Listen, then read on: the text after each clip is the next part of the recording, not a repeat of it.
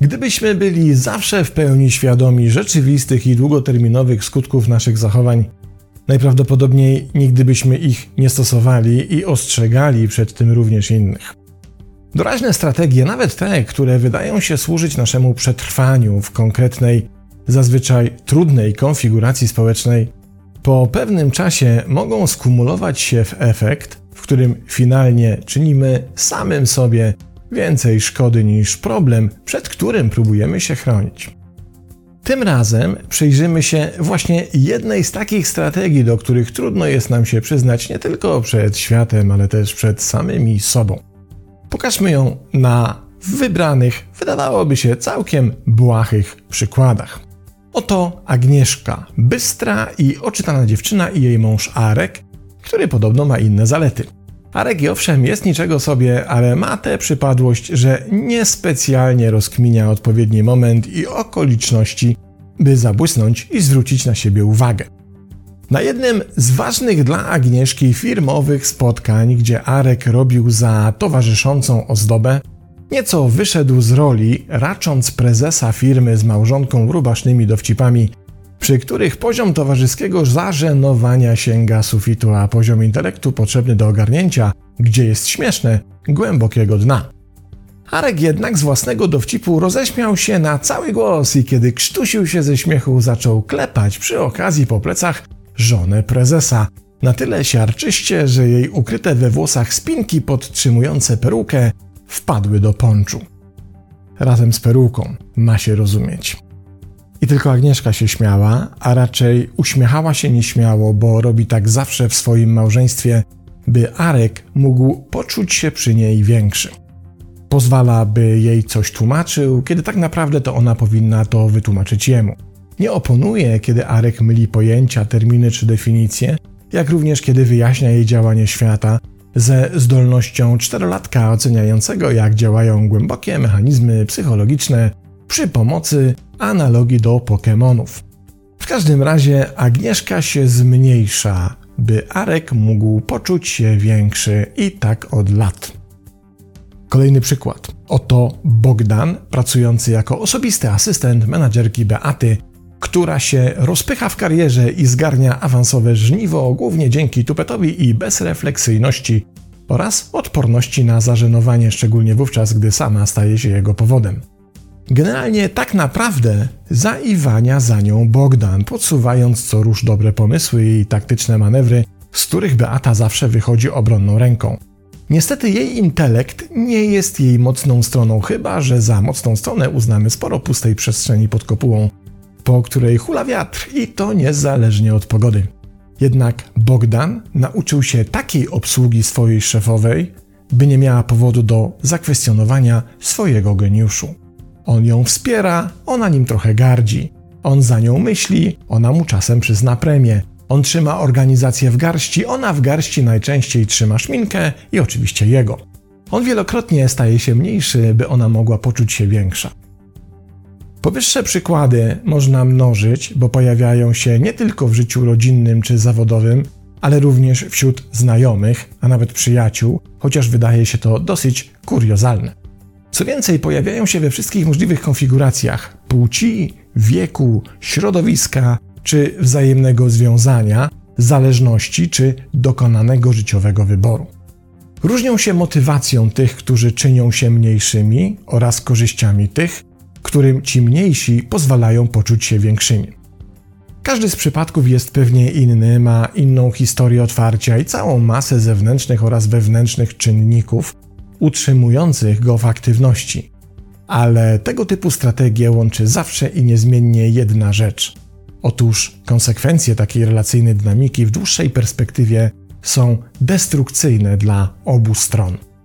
Dla tych, którym pozwala się poczuć większymi prędzej czy później, oznaczają bolesną weryfikację, kiedy trafią na inny relacyjny obiekt, który nie będzie już tak łaskawy i okaże się, że pompowane przez lata przekonanie o własnej wartości nie jest tak naprawdę podzielane przez nikogo innego. a to, co wydawało się być niepodważalne, zostało zmiażdżone przez weryfikację rzeczywistego talentu, umiejętności poznawczych czy prawdziwego poziomu intelektu, którą dostarcza bezduszne i okrutne życie, kiedy w nim zaczyna brakować dotychczasowego opiekuna wielkości. Taki upadek jest tym bardziej drastyczny i bolesny, z im większej wysokości własnego ego się upada. Ale co może wydawać się sporą niespodzianką, największą cenę za tego typu strategię zachowań będzie musiał zapłacić dotychczasowy umniejszacz siebie. Konsekwencje następujące po stosowaniu strategii autoumniejszania, aby ktoś poczuł się lepiej, opisuje profesor Bruce D. Lee. Jednak mimo zbieżności imienia i nazwiska, nie ten od kung fu i wściekłych pięści, ale profesor Miejskiego Uniwersytetu Nowojorskiego, specjalizujący się w obliczeniowym modelowaniu matematycznym w kontekście zdrowia, medycyny i podejmowania decyzji w tych obszarach. Lee jednak swoimi tezami uderza równie mocno co jego niezapomniany imiennik i wymienia kilka kluczowych i jednocześnie najbardziej destrukcyjnych konsekwencji, które prędzej czy później czekają osobę, która w danej relacji umniejsza siebie w omówionym wcześniej mechanizmie. Pierwsza z nich mówi, że nie pokazując światu tego, kim naprawdę jesteś, co naprawdę myślisz i ile naprawdę jesteś wart, w zamian otrzymasz nie to, na co naprawdę zasługujesz, ale jedynie to, na co zasługuje Twój umniejszony obraz siebie, który tworzysz. Wiele ludzi nie dostrzeże tego, jaki czy jaka naprawdę jesteś i potraktuje cię zgodnie z własnym wyobrażeniem, które na Twój temat tworzą w swoich głowach. Lee mówi: Wtedy nigdy nie otrzymasz tego, czego tak naprawdę chcesz i czego oczekujesz.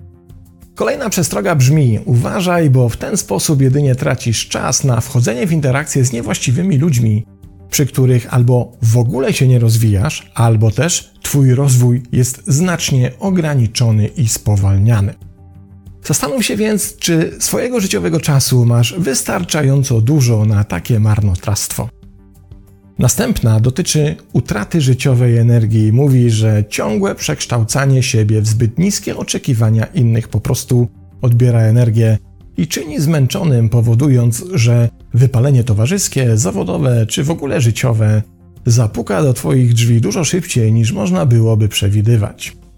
A wtedy stracisz możliwość uzyskania od życia tego, co mogłoby być dostępne, gdyby Twoja energia została wykorzystana we właściwych kierunkach i obszarach. Inną konsekwencją takich strategii jest według doktora Lee utrata zaufania do samego siebie i zamiana go na coraz częstsze kupowanie tego, co o tobie myślą inni. I to zadziała jak samo spełniające się proroctwo, w którym to opinia innych będzie coraz bardziej definiowała to, jak się czujesz i kim w swoich własnych oczach będziesz się stawał.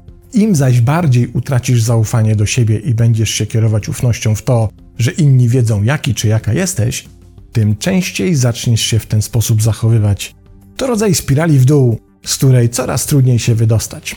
Nieco złośliwy dr Lee przywołuje tutaj metaforę zbyt ciasnych majtek i mówi, że z czasem nie nosisz już zbyt ciasnej bielizny, ale zbyt ciasna bielizna nosi ciebie, co jest wyjątkowo męczące.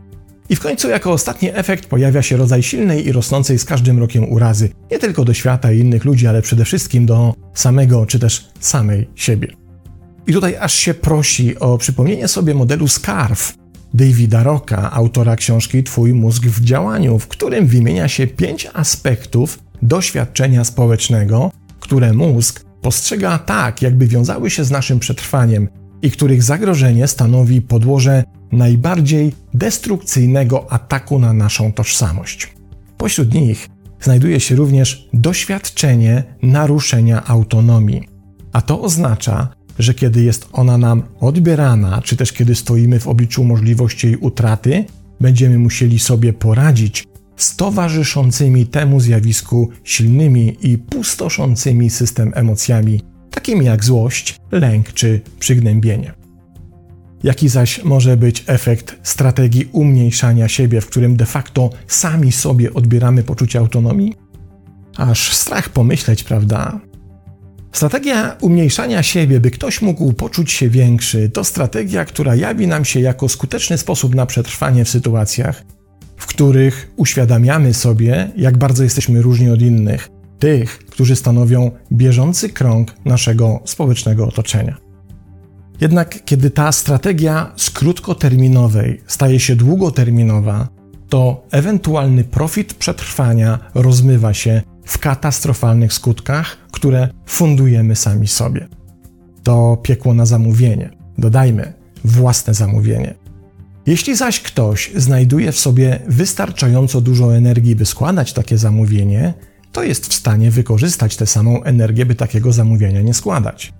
Jeśli ktoś dysponuje odpowiednim sprytem, intelektem i motywacją, by potrafić skutecznie umniejszać siebie, by ktoś inny mógł się poczuć lepiej, to oznacza, że może ten sam spryt, intelekt i motywację wykorzystać do tego, by tego nie robić. Pozdrawiam.